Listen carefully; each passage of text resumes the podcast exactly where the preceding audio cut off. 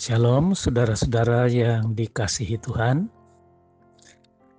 Saya berharap saudara-saudara dalam keadaan baik, sehat senantiasa dalam pemeliharaan Tuhan Yesus. Saudara, renungan harian untuk jemaat kita GKI Coyudan di hari Kamis 12 November 2020 saya beri tema memilih untuk mengampuni. Memilih untuk mengampuni. Bacaan kita dari Injil Matius pasal 5 ayat 38 sampai 48.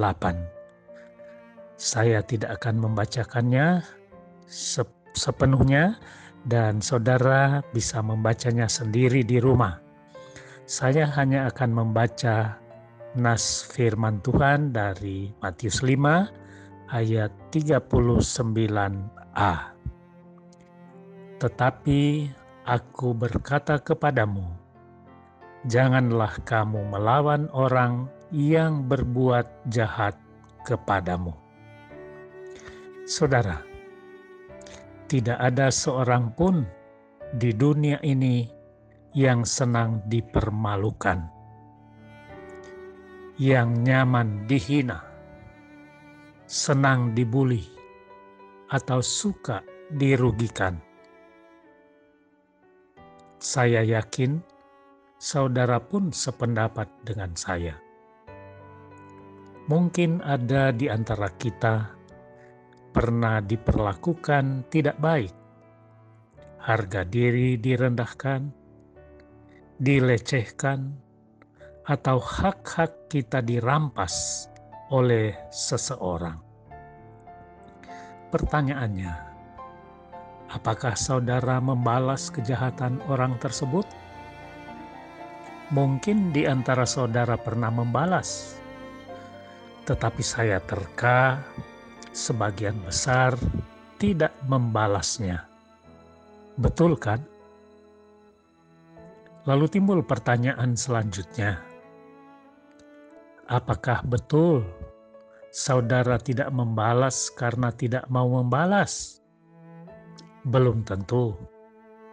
Seseorang tidak mau membalas kejahatan, belum tentu murni karena ia tidak melakukannya.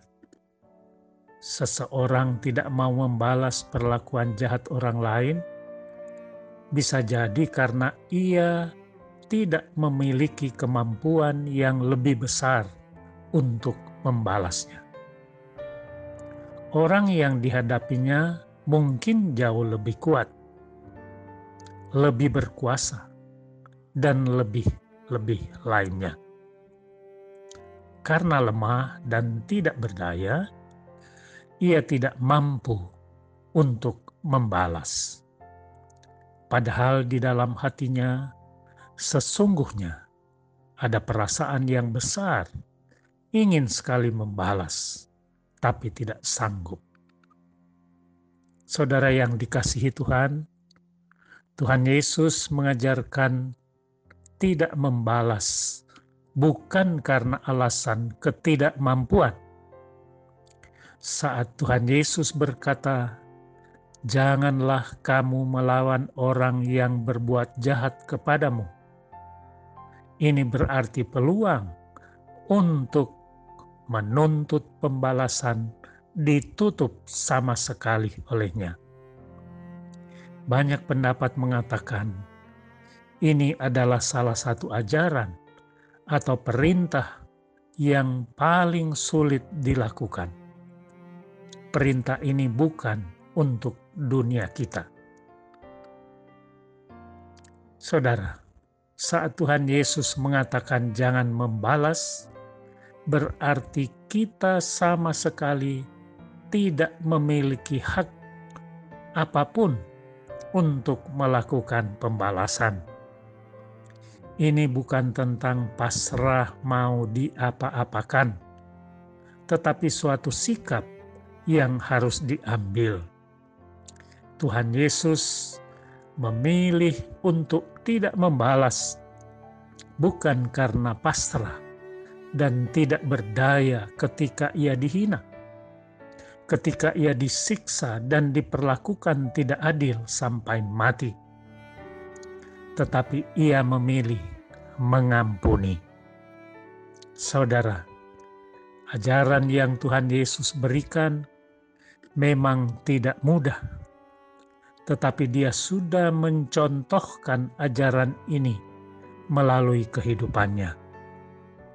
Mungkin ada di antara saudara yang sudah berbulan-bulan, bahkan bertahun-tahun hidup di dalam kepahitan dan rasa dendam karena perlakuan orang lain dan tidak punya kemampuan untuk membalas.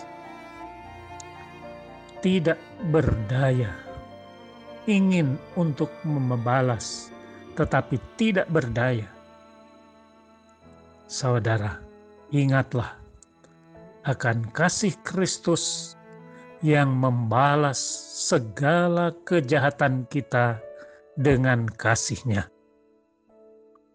Tanggalkan rasa dendam untuk membalas.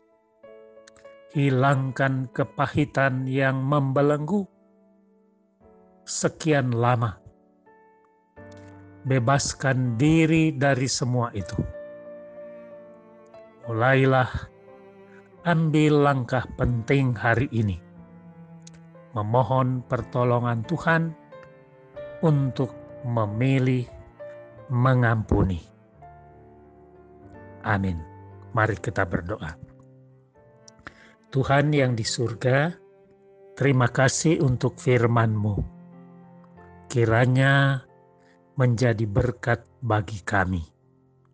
Apabila kami masih menyimpan kepahitan, rasa dendam terhadap seseorang, kiranya Tuhan memberi kemampuan kepada kami untuk menanggalkannya, untuk meninggalkannya, dan kami memilih untuk mengampuni, sehingga kami terbebas dari belenggu-belenggu kepahitan dan rasa dendam yang mengikat kami, yang membelenggu kami. Terima kasih ya Tuhan. Berkati kami sekalian sepanjang hari ini dalam segala aktivitas kami. Kami pasrahkan semua kehidupan kami ke dalam tangan-Mu di dalam nama Tuhan kami, Yesus Kristus, Juru Selamat kami, kami berdoa. Amin.